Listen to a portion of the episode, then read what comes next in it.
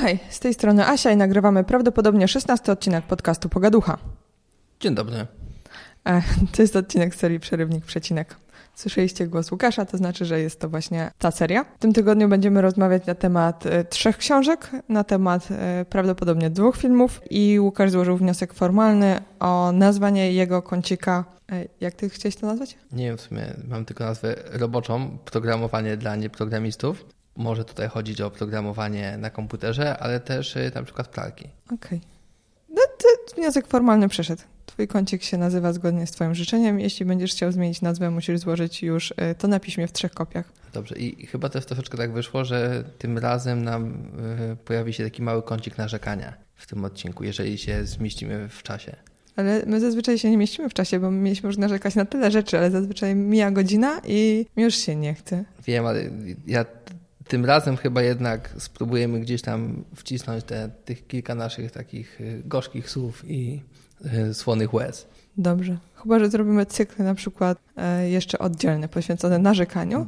To będzie taki polski kącik. Taki 100% polskości. Godzina narzekania. Na żywo na przykład. O, e, z live'em na YouTubie. Hmm? Ale ja słyszałem, że w prawie każdym kraju wszyscy myślą, że są znani z narzekania. Tak? Chyba ostatnio Niemcy jacyś mówili mi, że o, znowu ktoś tutaj narzeka, to takie niemieckie. Chcą sobie zawłaszczyć e, naszą polską skłonność do narzekania, ci Niemcy? Tak, chcą Przejąć? wszystko odebrać już. Nawet nasze marudzenie. Pozbawić naszego jęczenia. Mają już nasze samochody, a nie. Odwrotnie. Okej, przejdźmy do tematu. Losuj. Książka, film, czy od czego zaczynamy? Komora losowania jest pusta. No dobrze, zacznijmy od filmu, bo to chyba najlepiej pamiętam, bo to jest jedyne, które z tobą oglądałem, a książki z tobą nie czytałem, będę mógł się wypowiedzieć. Dobra.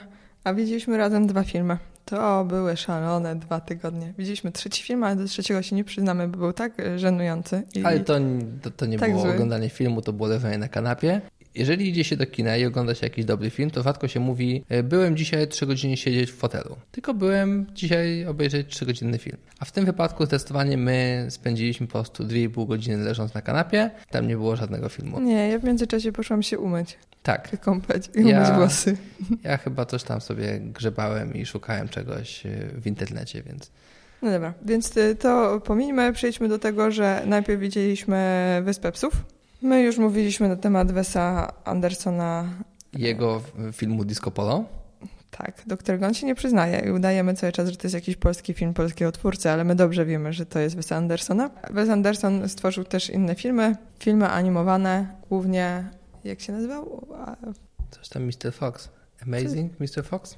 Fantastic Mr. Fox? Fantastic Mr. Fox. Być może. I przyszła kolejna jego kolejny film animowany. Jest to film, mm, którego akcja toczy się w Japonii. Psy zaczynają chorować na e, bardzo groźną chorobę.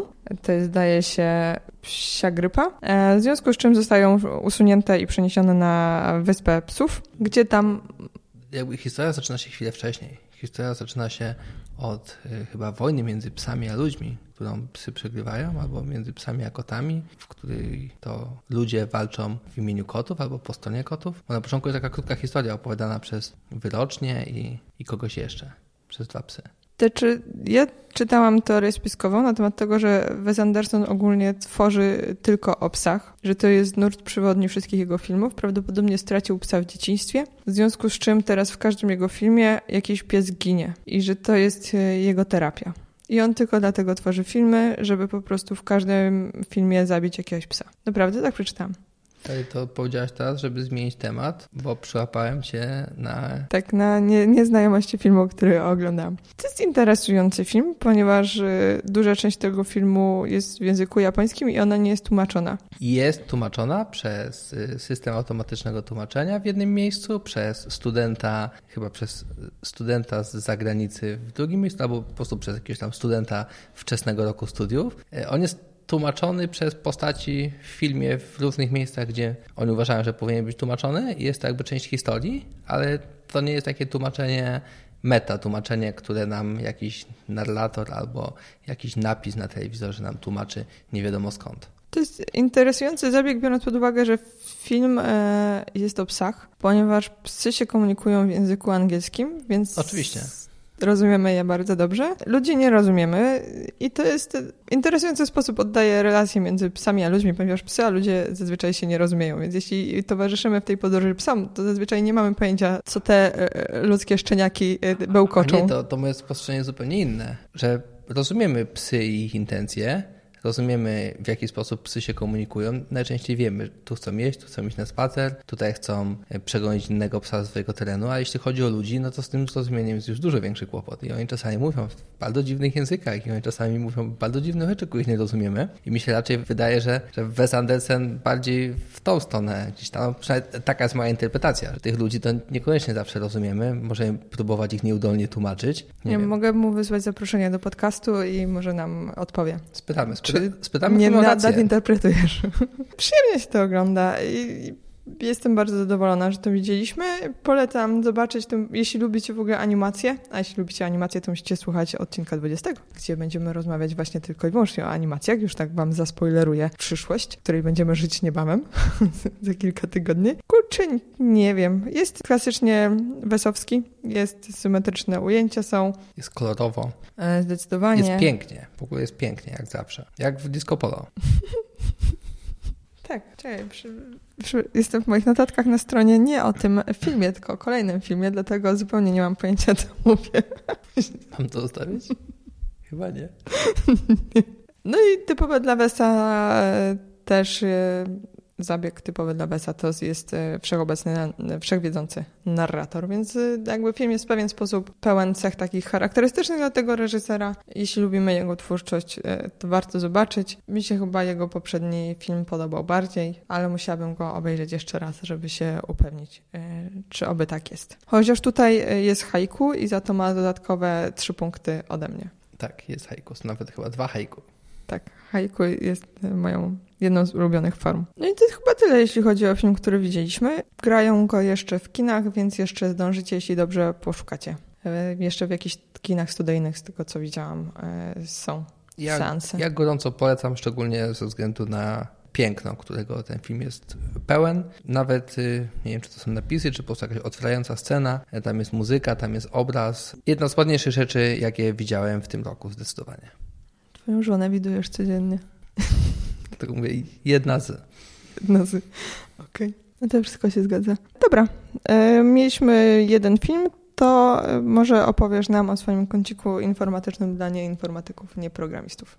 Dobrze. Programistycznym dla nieprogramistów. Za dwa tygodnie będę przebywał na terenie Chińskiej Republiki Ludowej. Pomyślałem sobie, że fajnie byłoby móc jednak ciągle korzystać z naszych tutaj zachodnich, kapitalistycznych technologii, takich jak Facebook, Netflix. I pomyślałem, że zaopatrzę się w jakiegoś VPN-a, którego będę mógł odpalić i na swoim telefonie, i na swoim komputerze. Y, dla tych, dla których hasło VPN jest zupełnie obce, to jest powiedzmy metoda na oszukanie lokalnego o, może oszukanie to złe słowo. To jest metoda na połączenie się z internetem, korzystając z lokalnego dostawcy, ale łącząc się z internetem tak naprawdę przez inną lokalizację. Czyli powiedzmy, będąc w Chinach, ja robię sobie tunel do swojego domu w Polsce i ten internet, z którego korzystam, to jest taki internet, który byłby dostępny z Polski. Pomyślałem, że zaopatrzę w jakiegoś VPN-a, ale wszystkie te komercyjne propozycje albo są stosunkowo łatwe do zablokowania przez Chińczyków, albo są stosunkowo drogie. Miałem w domu starego Raspberry Pi'a, to jest taki mały komputerek za 35 dolarów, który można sobie podłączyć i nie wiem, podłączyć go do telewizora, albo właśnie postawić na nim jakiś mały serwer. No ja postawiłem na nim serwer VPN-a. Y, jest taka strona internetowa, która pomaga skonfigurować tą aplikację. Całość jest tak naprawdę bardzo prosta, bo wpisujemy tylko jedną komendę, naprawdę jedną komendę, która przeprowadza nas potem przez taki wizard. Kojarzymy się z Disneyem. Nie. No tak krok po kroku pyta nas o różne rzeczy, jak skonfigurować, i tak naprawdę prawie zawsze możemy powiedzieć tak, tak, tak, tak. No i potem w bardzo łatwy sposób y, instalując sobie OpenVPN na telefonie albo na komputerze jesteśmy w stanie się z tym naszym y, domowym VPN-em połączyć. Więc y, bardzo polecam. Tak, ta technologia w ogóle nazywa się bardzo łatwo, nazywa się PVPN. Strona internetowa pewnie wygląda bardzo podobnie. Wrzucimy ją e, w show notesach e, i, i będziecie mogli sobie też coś takiego ustawić. E, Raspberry Pi można kupić na Allegro za niecałe chyba 200 zł. No, cała reszta jest darmowa, kosztuje tylko odrobinę waszej pracy, ale tak, tak jak mówiłem, strona internetowa bardzo jasno pokazuje, w jaki sposób wpisując tą jedną komendę i potem klikając w kilku miejscach jesteśmy w stanie ustawić sobie taki własny tunel. W tym tygodniu to byłoby na tyle. Czy, czy ten sposób działa? Dowiecie się w przyszły poniedziałek. Jeśli odcinek się nie pojawi, oznacza to, że Łukasz źle skonfigurował, skonfigurował e, VPN-a i e, nie przesłał mi pliku z zmontowanym e, podcastem, odcinkiem podcastu, a ja nie dałam rady zmontować go sama. E, więc dowiecie się wkrótce. Teraz zrobimy prze, płynne przejście. Po tym, jak jesteśmy w internecie, to przejdziemy do social mediów tego typu spraw za pomocą Masłowskiej, a potem przejdziemy do literatury. Czajcie? To będzie tak internet, przez internet do literatury i dalej pójdziemy w książki. Tak to zaplanowałam. Ha, piękny umysł. Więc y, Masłowska wydaje książkę. Ta książka prawdopodobnie 8 maja będzie miała swoją premierę, jeśli dobrze pamiętam, i w związku z y, tym wydarzeniem y, wywiad z nią ukazał się w magazynie książki. Bardzo polecam ten magazyn, nie zakupoholikom, tak jak ja, ale ja się bardzo pilnuję i nie zamówiłam żadnej książki po przeczytaniu tego magazynu, ponieważ e, jadę do Warszawy na targi książki i tam kupię je wszystkie. Taki jest mój plan. E, więc już mam tam świnkę skarbonkę, będę rozbijać 18. Tak będzie. Natomiast e, Masłowska udzieliła bardzo interesującego wywiadu. Łukasz na to zwrócił uwagę, bo gdzieś był i ten magazyn leżał, więc go przejrzał. Nie, nie, nie. Jak gdzieś w internecie chyba jakiś ktoś próbował mi pokazać albo jakaś gazeta wyborcza. Nie, nie wiem, ktoś w internecie pokazał mi część tego wywiadu którą mogą sobie przeczytać i potem taki cliffhanger zapłać za dostęp do naszego serwisu, to będziesz mógł przeczytać do końca. Mhm. To zapłaciliśmy za całą gazetę po prostu, a w wersji papierowej e, Masłowska mówi tam mniej więcej o tym, że miała taki trudny moment w swoim życiu, e, kiedy wydawało jej się, miała depresję i wydawało jej się, że jeśli kupuje chleb, to kasjerka tak rzuca jej ten chleb i ma ochotę powiedzieć, a weź spierdalaj, a że jak ktoś tam widzi sąsiadkę, to ta sąsiadka ma ochotę po dzień dobry dodać tego głupia kurwo. I że ona już się ustabilizowała, ale ona ma świadomość, że ten obraz świata, w który widziała wcześniej, bardziej e, oddawał realia. Ja bardzo ją rozumiem. całym sercem i bardzo się zgadzam z wieloma rzeczami, które ona mówi w dalszej części wywiadu. To mnie zmusiło też do głębszych refleksji, bo zaczęłam myśleć też na temat mediów, Facebooków, Instagramów, ponieważ w ostatnim czasie mnie to bardzo męczy. Za dużo czasu spędzam, staram się w jakiś sposób to usystematyzować, staram się gdzieś wyrzucić Facebooka z telefonu, przenieść do jakiegoś tam folderu y, na ostatniej karcie, ale cały czas mi to nie wychodzi i cały czas mam taką presję tego, że ja powinnam coś publikować, coś dodawać, Ostatnio kilka razy się spotkałam z pytaniem, dlaczego ja jako blogerka nie publikuję codziennie Instastory. I odpowiedź jest taka, że ja nie mam wam nic do powiedzenia. Jakby ja nie dlatego zaczęłam pisać blog, że chciałam zostać gwiazdą i sławą i e, instagramową e, influencerką. Ewentualnie wolałabym zostać słabą, dlatego że mam coś interesującego do powiedzenia, ale czuję taką presję tego, że powinnam coś nagrać, coś pokazać, coś powiedzieć. E, I Masłowska e, świetnie o tym pisze, opowiada. Ona mówi, że ona nie jest na Facebooku. Dla niej to jest duża strata jakby no ale też jakiegoś takiego potencjału twórczego, że jakby jej zbieranie fajnych historii, słuchanie, uczenie się hmm. tego, co ona jakiegoś, no ona ma świetny słuch jakby literacki, ona świetnie potrafi oddawać y, sposób, w jaki ludzie mówią go, troszeczkę podrasowywać w taki sposób, żeby to było naprawdę e, brzmiało fajnie. No i znowu, że ona pisze książkę przez pięć lat i zbiera jakieś, czy wyda te felietony swoje. I po co się rozdrabniać, wrzucając jakby każde e, zdanie na Facebooka? No to jest też mój problem że, z zasięgami, że trzeba publikować regularnie,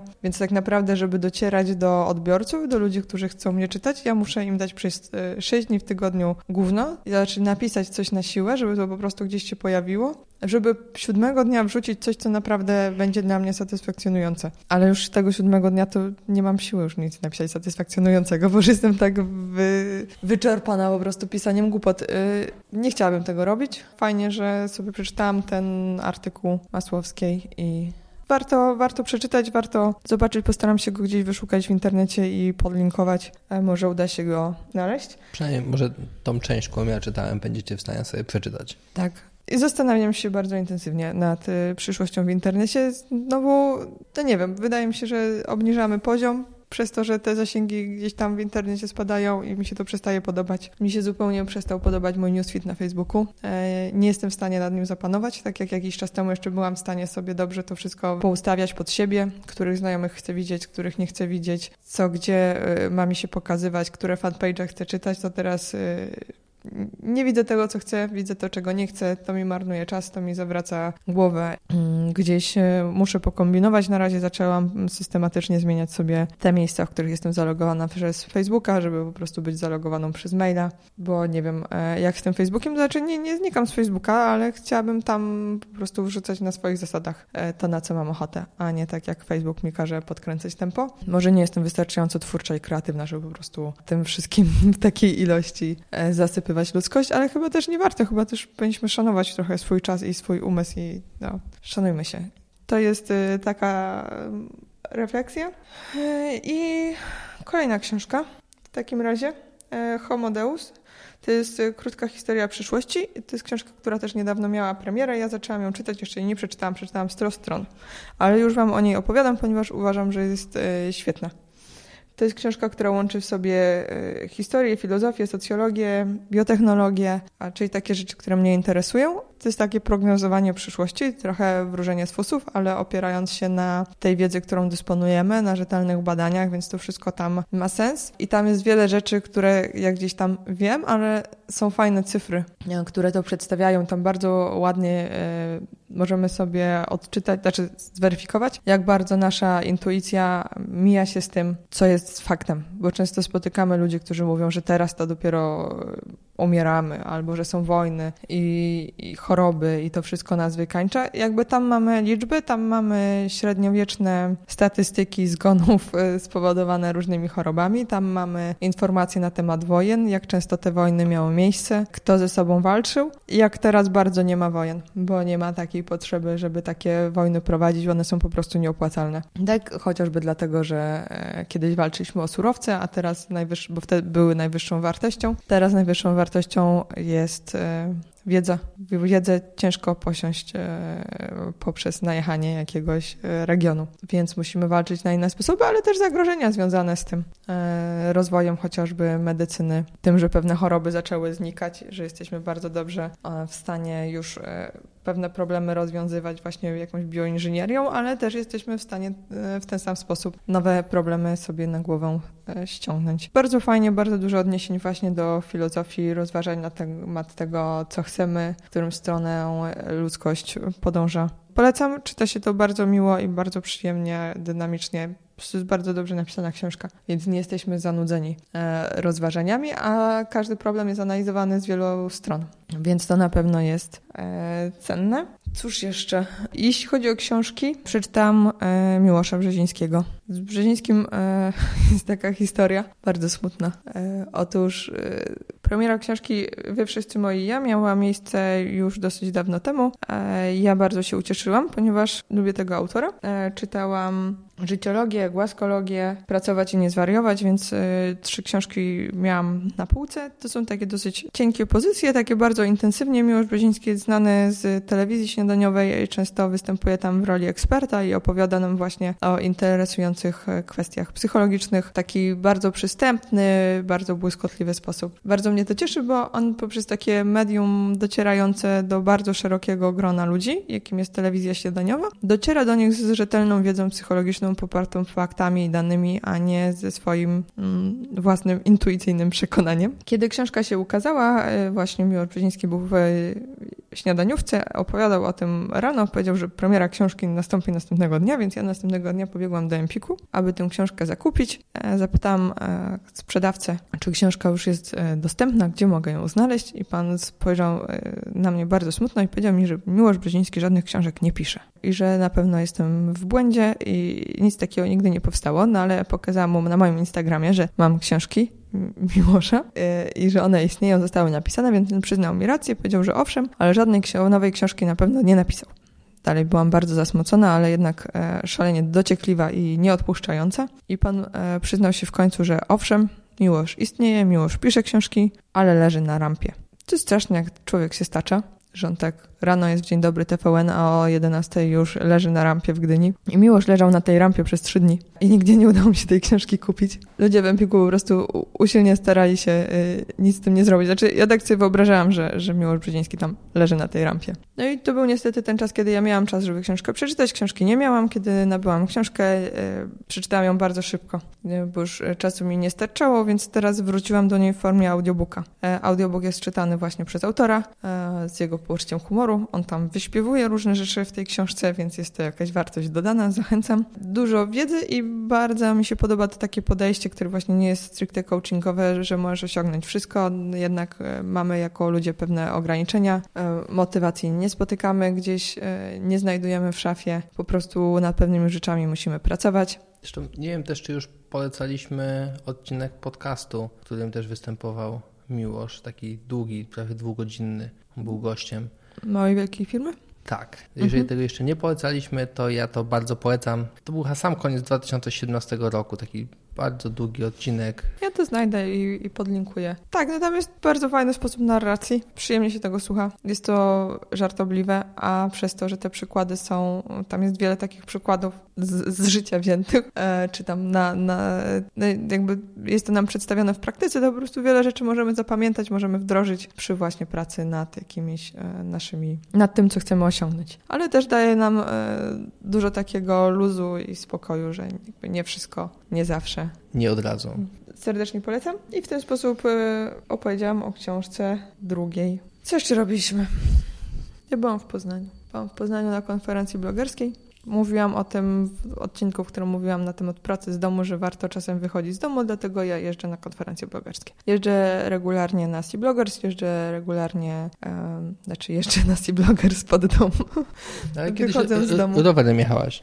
Jechałam kiedyś rowerem. W tym roku Sea Bloggers jest w Łodzi, więc pojadę sobie samochodem e, i wtedy też będę w Łodzi. Zazwyczaj po prostu wychodziłam z domu i szłam. E, jeżdżę do Poznania na Blog Conference Poznań. E, bardzo szanuję tę imprezę. Byłam dwa razy. I bardzo bym chciała pojechać do Gdańska na blog Forum Gdańsk, ale nigdy mnie nie chcą przyjąć i to prawdopodobnie dlatego, że ja jestem z tych niepiszących blogerów i tych niepublikujących, a oni tam wolą raczej tych, którzy coś tworzą. Dziwne. Dziwne. No ale takie są zasady. Może, może kiedyś się uda. Ja tam nie jeżdżę dlatego, żeby się z wszystkimi y, koniecznie bratać i przytulać, jak robi tu wiele osób. Wiele osób tam jedzie stricte towarzysko, żeby właśnie sobie wypić z kimś piwo, poplotkować, pościskać y, rączki y, znanych ludzi. Ja jestem szalenia aspołeczna, więc zazwyczaj sobie siedzę gdzieś w kącie. Mimo wszystko cały czas serdecznie polecam, bo z kimś tam zawsze uda mi się porozmawiać. Z kimś posiedzieć w kącie. Z kimś posiedzieć w kącie, komuś podać rękę. Też te prelekcje są interesujące i cały czas gdzieś te kierunki się zmieniają. To może nie jest tak, że każda konferencja, każda prelekcja dla każdego będzie e, cenna, ale każdy tam znajdzie coś dla siebie, jeśli coś tworzy w internecie, e, czy to na YouTubie, czy gdzieś e, właśnie pisząc. Mam nadzieję, że tam podcasterzy zaczną się wylęgać prędzej. Ostatnio chyba słyszałam, jak Gonciarz powiedział, że chce wchodzić w podcasty, więc zaczyna się dziać. Jak Gonciarz już wchodzi w podcasty, to, to znaczy, że coś się dzieje. Tak myślę. Na konferencji w Poznaniu nagrałam też y, kolejny odcinek, który będzie do odsłuchania za trzy tygodnie. Y, warto było chociażby z tego powodu się tam udać i po to, żeby zjeść pierogi, jak się nazywa ta pierogarnia. Na winklu. Na winklu. Ja właściwie jeżdżę do Poznania nie na tą konferencję, tylko żeby zjeść pierogi na winklu. Ale jeżeli chcecie zjeść pierogi na winklu, to najlepiej rezerwujcie stolik dzień wcześniej albo, nie wiem, tydzień wcześniej. Nigdy nie widziałem pierogarni z tak długim okresem rezerwacji, oczekiwania na rezerwację. Mhm. I ostatni y, film to jest Śmierć Stalina. Byliśmy na tym wczoraj w kinie. Tak Jak powinno się, się, uczyć historii w szkołach. Powinny być takie odcinki właśnie dotyczące różnych y, ważnych wydarzeń. Tam, nie wiem, porażka Napoleona. Mm, nie wiem, co jeszcze mogłoby być.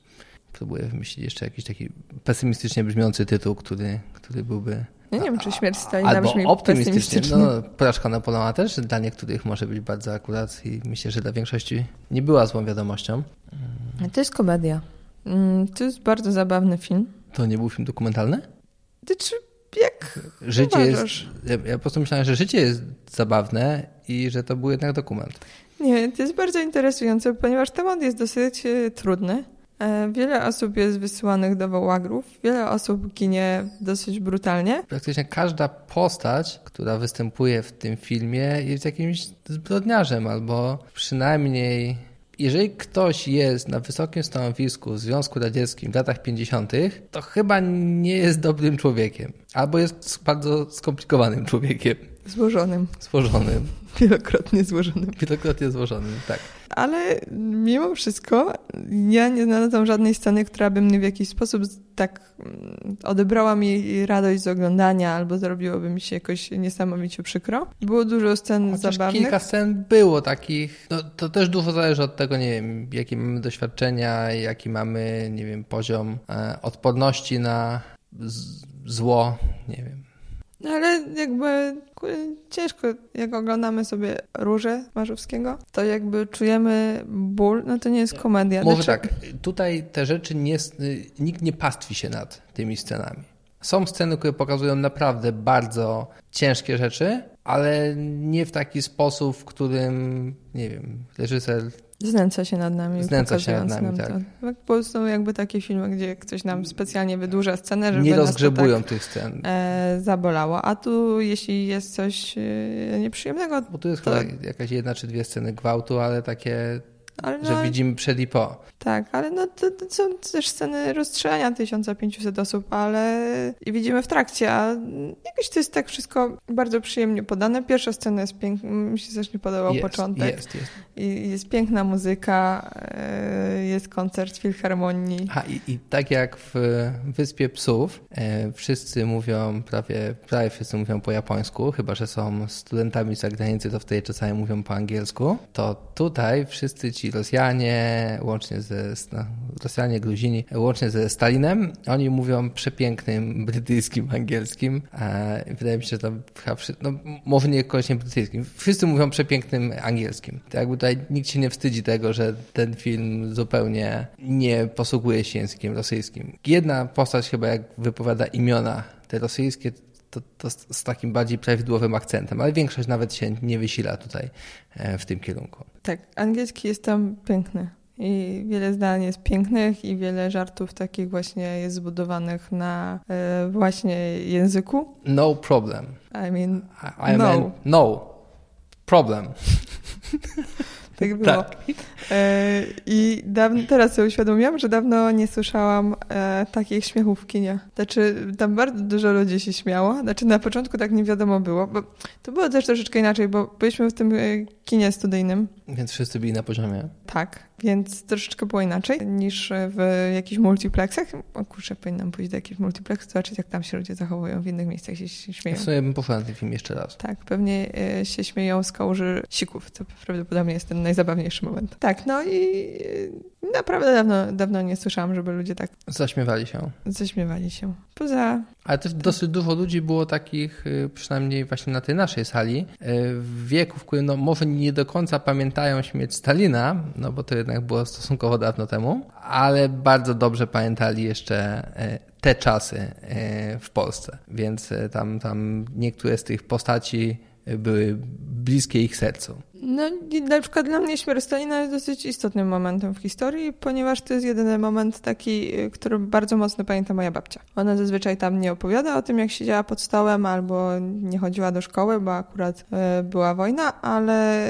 śmierć Stalina pamięta bardzo dobrze i jakoś bardzo intensywnie to przeżyła. Że, e, Podobno strasznie płakała przez trzy dni. Tak, kazali mi trzy dni płakać i jakoś to dla takiego małego dziecka to jest dosyć traumatyzujące, jeśli uczestniczymy w zbiorowym trzydniowym e, lamencie, stojąc na korytarzu i nosząc kwiaty, więc e, jakoś dla mnie to jest takie lepiej zapamiętany moment historii niż e, wszystkie pozostałe. Czy coś jeszcze, Łukaszu, chciałbyś nam powiedzieć?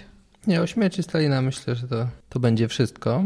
Ja przeczytałam jeszcze jedną książkę e, z nienawiści do kobiet. To jest zbiór reportaży. Bardzo nie podoba mi się tytuł tego zbioru, ponieważ to jest po prostu tytuł z jednego z reportaży. Chyba pozostałe reportaże też tak naprawdę, te, te tomy zostały nazwane od właśnie tytułu jednego z reportaży, więc może to ma jakieś uzasadnienie. Ale to są reportaże na bardzo różny temat, to jakby kobiety tam nie są żadnym wątkiem przewodnim. Dla mnie e, najbardziej interesujący był ostatni rozdział, który jest po prostu wywiadem z autorką tych reportaży. Fajnie możemy tam zobaczyć, na czym polega warsztat e, reporterski, taki naprawdę dobry warsztat reporterski warsztat reporterski. Ja bardzo lubię starą szkołę reportażu, taką właśnie, która zostawia reportera gdzieś na trzecim planie, czwartym planie. Ten reporter nie istnieje historia musi być przedstawiona w miarę obiektywnie, muszą być e, dwie strony się wypowiedzieć. To nie może być takie silnie oceniające. Tak nie, nie komentujemy. Autorka rozmawia z różnymi pedofilami, z mordercami, z różnymi ludźmi, którzy też mają dużą umiejętność manipulacji, wpływania na ludzi, e, gdzieś są psychopatyczni, więc jakby samo to prowadzenie tych rozmów jest dosyć trudne, a cały czas trzeba zostać e, obiektywnym, e, gdzieś tam się nie, nie zgotować i nie, nie dać się ponieść emocjom, tak, żeby jednak ta historia no, została po prostu przedstawiona i każdy sobie Wiadomo, że, że, że, opowiadamy tą historię w jakiś tendencyjny sposób, że samą budową reportażu możemy pewne rzeczy podkreślić, a inne gdzieś e, umniejszyć, ale no, warto przeczytać e, ten wywiad z autorką i zobaczyć, w jaki sposób ona się do tego odnosi. Autorką jest Justyna Kopińska, ona jest znana z słynnego reportażu Czy Bóg wybaczy siostrze Bernadecie i ona też jest autorką tego zbioru e, Polska odwraca oczy, który jest moim zdaniem dużo cięższe i te reportaże są takie trudniejsze, przynajmniej dla mnie były bardziej męczące. Żeby czytać y, tego typu literaturę, trzeba być w odpowiednim nastroju. Teraz jest maj, świeci słońce, e, się czuję stabilnie emocjonalnie, to nie jest tak, że przede mną długa zima i rozpacz, e, zbliża się lato, więc nie ma problemu i z przyjemnością sobie to wszystko przeczytałam, ale jeśli znowu ktoś odczuwa duży smutek, to e, nie polecam, bo może mu się zrobić zdecydowanie za smutno. Ostatnia rzecz, to jest twoja przygoda, przedostatnia rzecz. To jest twoja przygoda z gazetą. Z The Wall Street Journal. Tak, Taki to jest chciałeś nasz, być inteligentny. To jest nasz kącik narzekania. Ja też pozbyłem się Facebooka z telefonu, ale kiedy go jeszcze miałem, to zobaczyłem taką ładną reklamę, post y, sponsorowany, w którym The Wall Street Journal mówił, żebym wsparł niezależne dziennikarstwo i że za tam, nie wiem, dolarka jakiegoś y, symbolicznego, czy tam za niewiele więcej mogę sobie subskrybować ich na 3 miesiące. Więc pomyślałem sobie tak, akurat miałem właśnie pozbyć się tego Facebooka, chciałbym robić coś bardziej twórczego, rozwijającego na tym moim telefonie, zainstaluję sobie Wall Street Journal, zapłacę im tego dolarka, po 3 miesiącach może będę chciał to przedłużyć, jeżeli będę z tego korzystał. A zrobiłem to wszystko bardzo wygodnie, online, Udało mi się podać im numer mojej karty kredytowej, tego dolara mi zabrali, założyłem sobie konto, zainstalowałem aplikację, wszystko fajnie. Wszystko bezproblemowo, wszystko tak jak po maśle. Mhm. Jak po maśle. Poszło jak po maśle. Do tak czasu, było. kiedy po tych trzech miesiącach, podczas których może przeczytałem trzy artykuły tak naprawdę e, i stwierdziłem, no dobrze, to jednak nie jest to, co chciałbym robić e, czasami na moim telefonie. Normalny abonament jest stosunkowo drogi, no i nie będę chyba jednak wspierał tego e, niezależnego dziennikarstwa. I zacząłem szukać najpierw w aplikacji, potem na stronie internetowej, potem w bibliotekach, w szafkach, w ciemnych alejkach, miejsca, w którym będę mógł wypisać się e, z tego abonamentu. Mogę zapisać się bez żadnego problemu online, ale żeby wycofać się z tej subskrypcji, muszę się do nich dozwonić i muszę zadzwonić pod numer, który nie znajduje się w Polsce. Muszę dogadać się w języku angielskim e, i wytłumaczyć moją sprawę. Tylko, absolutnie tylko w ten sposób jestem w stanie zrezygnować z subskrypcji. Bardzo mocno się zastanawiałem, jak to wygląda, jeżeli na przykład, nie wiem, jest się w jakiś sposób niepełnosprawnym i na przykład e, jestem niemową, lubię sobie czytać, ale w pewnym momencie chcę zrezygnować z Wall Street Journal, ale muszę tam zadzwonić. To jest bardzo sprytna metoda, żeby jednak część tych czytelników zatrzymać przy sobie. Dla mnie to był kłopot, bo musiałem też czekać do odpowiedniej godziny, kiedy muszę zadzwonić, bo to nie jest tak, że ten ich zagraniczny numer e, jest czynny całą dobę. Nie, nie, to jest tam między 9 a 17 e, w Niemczech, akurat to chyba był ten mój najbliższy numer. I tak, kiedy już się dodzwoniłem, to powiedzmy, że nie było problemu, e, ale On musiałem... mówił takim pięknym brytyjskim angielskim. Mówił pię- pięknym brytyjskim Ja sobie angielskim. teraz do niego od czasu do czasu dzwonię. Mówię, przeczytaj mi Kopciuszko. No ale jakby... No, ale wolałabym tego nie robić, dlatego że chcę odwołać prenumeratę Gazety online. gazety online. Tak. To jest żenujące. Ja, bardzo sz- szanuję taką pewną symetrię e, i jeżeli jestem w stanie się gdzieś zapisać online, chciałbym móc też się online wypisać. Wydaje mi się to uczciwe. Ta, to niezależne dziennikarstwo troszeczkę mi teraz niestety źle pachnie. Nie ufam filmie, która próbuje mnie w taki tani sposób zatrzymać jako klienta. No, taki tandetny. Ja czekam teraz na to GDPR, GPDR, Nie wiem. no ta nowa rezolucja dotycząca danych europejska. Aha.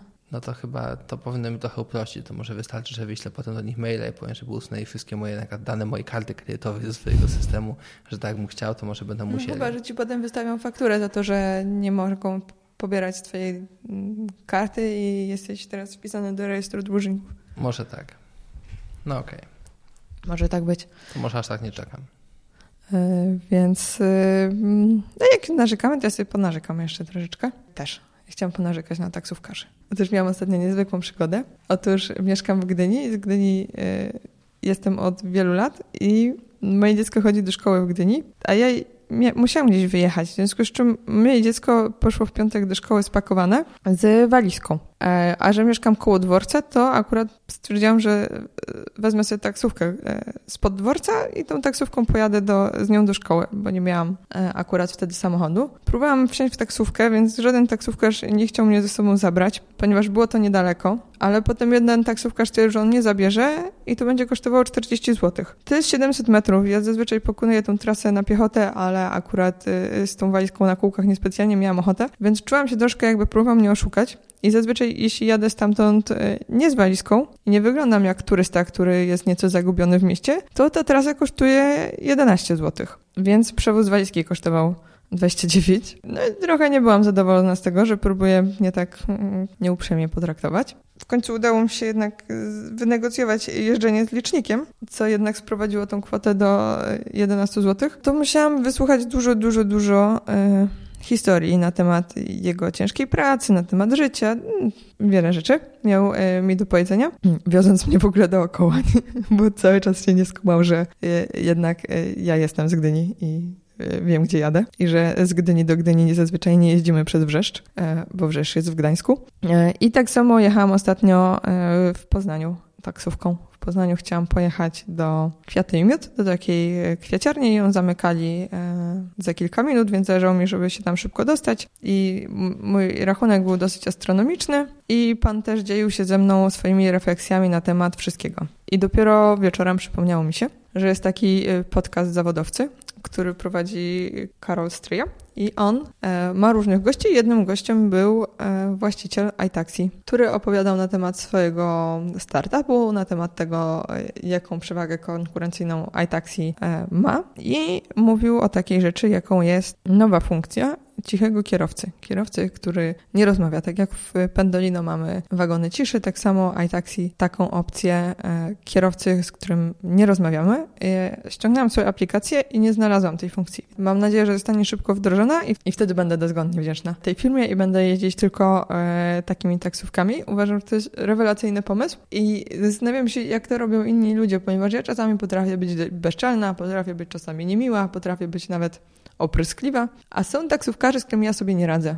Znaczy, to jest zawsze taka kłopotliwa sytuacja, bo gdybyśmy się zamienili i to ja bym prowadziła tą taksówkę, to ja bym wtedy może miała tak więcej odwagi, żeby powiedzieć, że na przykład, e, przepraszam bardzo, ale ja nie uważam, że wszyscy czarni powinni siedzieć w Afryce, nie? Ale jak on prowadzi a ja siedzę obok, to zawsze mi chwilę zajmuje, żeby tam mm, wyrazić moją opinię na temat tego, co opowiada taksówkarz. Tak ostatnio taksówkarz dzielił się swoimi rasistowskimi przemyśleniami ze mną. Więc ja bym bardzo chciała, żeby taksówkarze się ze mną nie dzielili swoimi przemyśleniami i chciałabym e, nie słuchać disco polo. Jakby to są moje dwa marzenia. I jeśli komuś uda się te marzenia zrealizować, to ja wtedy powrócę do jeżdżenia taksówkami. E, więc tak. E, to by było na tyle. Myślę, że warto dla tej jednej informacji słuchać podcastu Zawodowcy. W ogóle warto, bo jest wielu interesujących gości i e, wiele się tam dzieje. E, wiele się można dowiedzieć i nauczyć, ale jakby ta jedna informacja jest na tym dla mnie na tyle wartościowa, że taka funkcja zostanie wprowadzona, że serdecznie e, rekomenduję e, tego podcasterowicza. I to chyba na tyle.